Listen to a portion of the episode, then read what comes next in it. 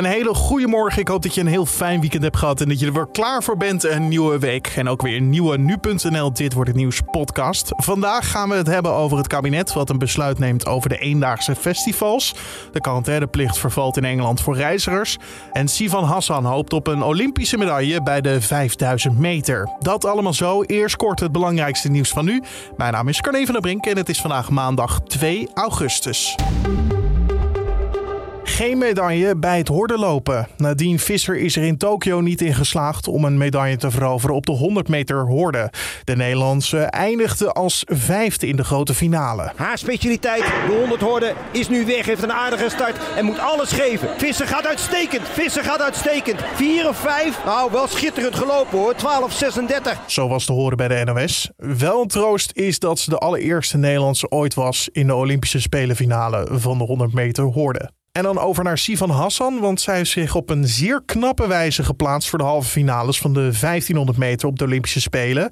Hassan viel in de slotronde door een Keniaan, maar eindigde toch als eerste. Daar valt Sivan Hassan en nu wordt het lastig. En dan in één keer is ze los en laat ze zien, met mij moet je nog wel degelijk rekening houden. Hassan vindt nu contact bij de groep en dan toch ook nog maar eventjes deze serie winnen hoor. Ja, ja. Zo was te horen bij de NOS.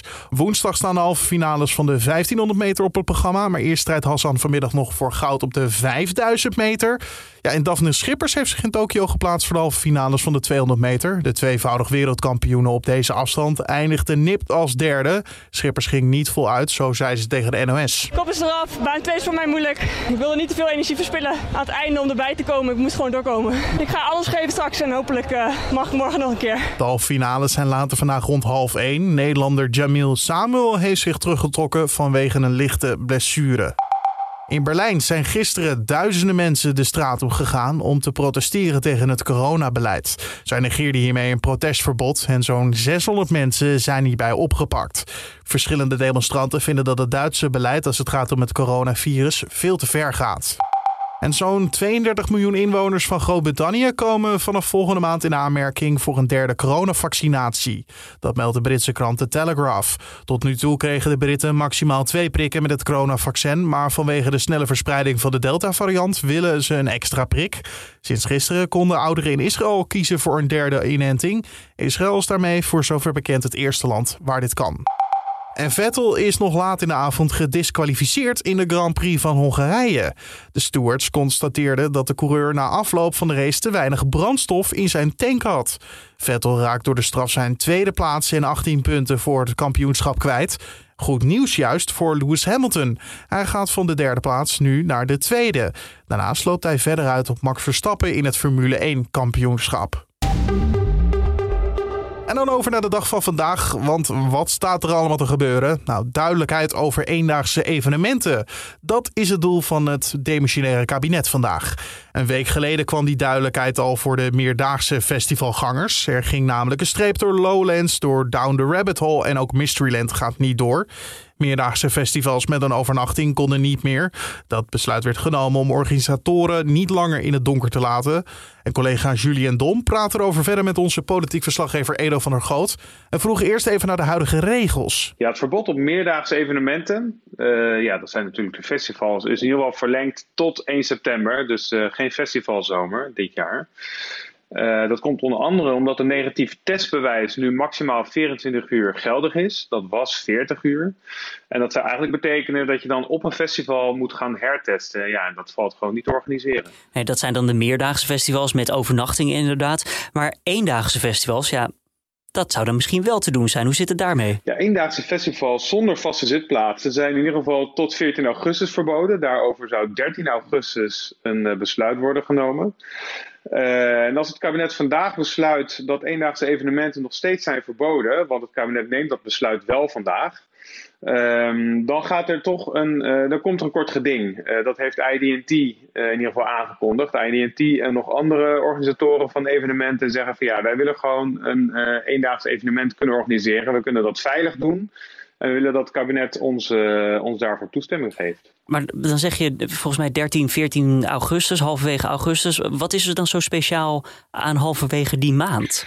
Ja, er staat al een tijdje op 13 augustus een uh, corona-persconferentie gepland. En dan wordt er, zoals dat een beetje lelijk heet, integraal uh, worden overal besluiten over genomen.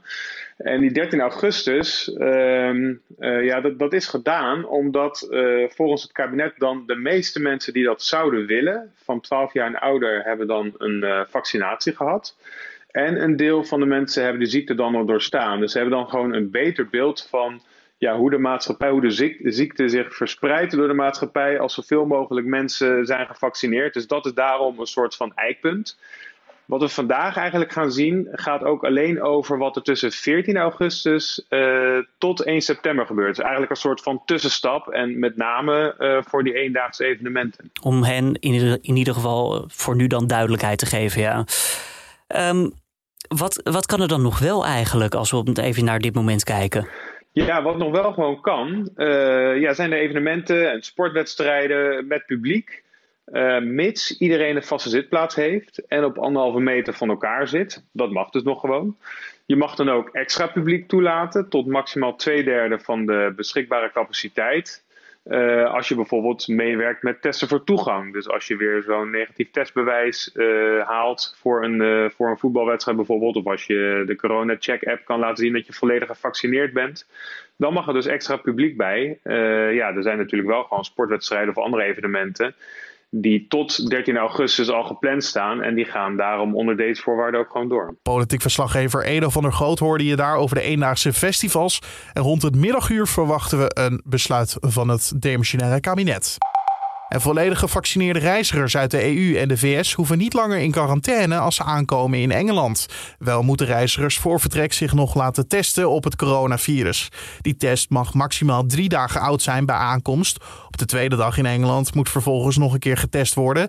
En de kosten hiervan zijn voor de reiziger zelf. Schotland, Wales en Noord-Ierland kunnen snel volgen, maar zijn vrij om af te wijken van dat beleid. Voor de duidelijkheid nog even: het gaat hier om gevaccineerden die zijn ingeënt met goedgekeurde vaccins door de Amerikaanse en Europese gezondheidsautoriteiten. Ja, en alle zeevarenden in de haven van Rotterdam kunnen vanaf vandaag worden gevaccineerd tegen corona. Eerder konden alleen zeelieden worden gevaccineerd die varen onder Nederlandse vlag of voor de Nederlandse rederij, of ze nu Nederlander zijn of niet. De uitbreiding naar alle zeevarenden is een proef die twee maanden duurt. Er zijn 10.000 Janssen-vaccins beschikbaar voor alle zeeschepen. Eh, van het vaccin is maar één dosis nodig. Dan over naar het weer van vandaag. Wat gaat het worden? Je hoort het van Diana Woei van Weerplaza. Het ziet er vandaag vaak vriendelijk uit met geregeld zon tussen de wolken door. Het is meestal droog, alleen lokaal kan er een enkele bui voorkomen. Vanmiddag is het 19 of 20 graden. Daarbij houdt de noordwestelijke wind het vrij rustig. Aan zee waait het hooguit windkracht 3. Morgen verandert er niet veel. Maar wordt het land immers wel een fractie warmer. Dankjewel Diana Woei van Weerplaza. En om af te sluiten nog even dit. Ja, je komt ze misschien steeds vaker tegen, de naakslak. Je kunt ze deze zomer veel meer dan andere jaren tegenkomen op het fietspad, naast de berm of in de tuin. Het lijkt wel een invasie. Met als het gevolg dat uh, ja, groenten aangevroten worden in moestuintjes. Experts denken niet per se dat er meer naakslakken zijn. De dieren beleven namelijk een topzomer qua weer, waardoor ze actiever zijn en sowieso vaker je pad kruisen. Terwijl wij mensen meestal ja, toch wel de, ja, balen van zo'n wisselvallige zomer, hangen naakslakken juist de spreekwoordelijke vlag uit. Wil je nou meer lezen over waarom we zoveel naakslakken tegenkomen? Een artikel vind je op de voorpagina van nu.nl. En tot zover deze Dit Wordt Het Nieuws podcast voor de maandag 2 augustus. We hebben weer een nieuwe maand afgetrapt en dat is ook gelijk een mooi moment voor jou om een recensie achter te laten bij Apple Podcast. Laat daar 1 tot en met 5 sterren achter en zet erbij wat je van deze podcast vindt. En dan kunnen we hem nog beter maken. Alleen maar met jouw feedback. Dus laat een recensie achter bij Apple Podcast of stuur een mailtje naar podcast.nu.nl. Mijn naam is Carne van der Brink. Voor nu een hele mooie dag en graag tot de volgende.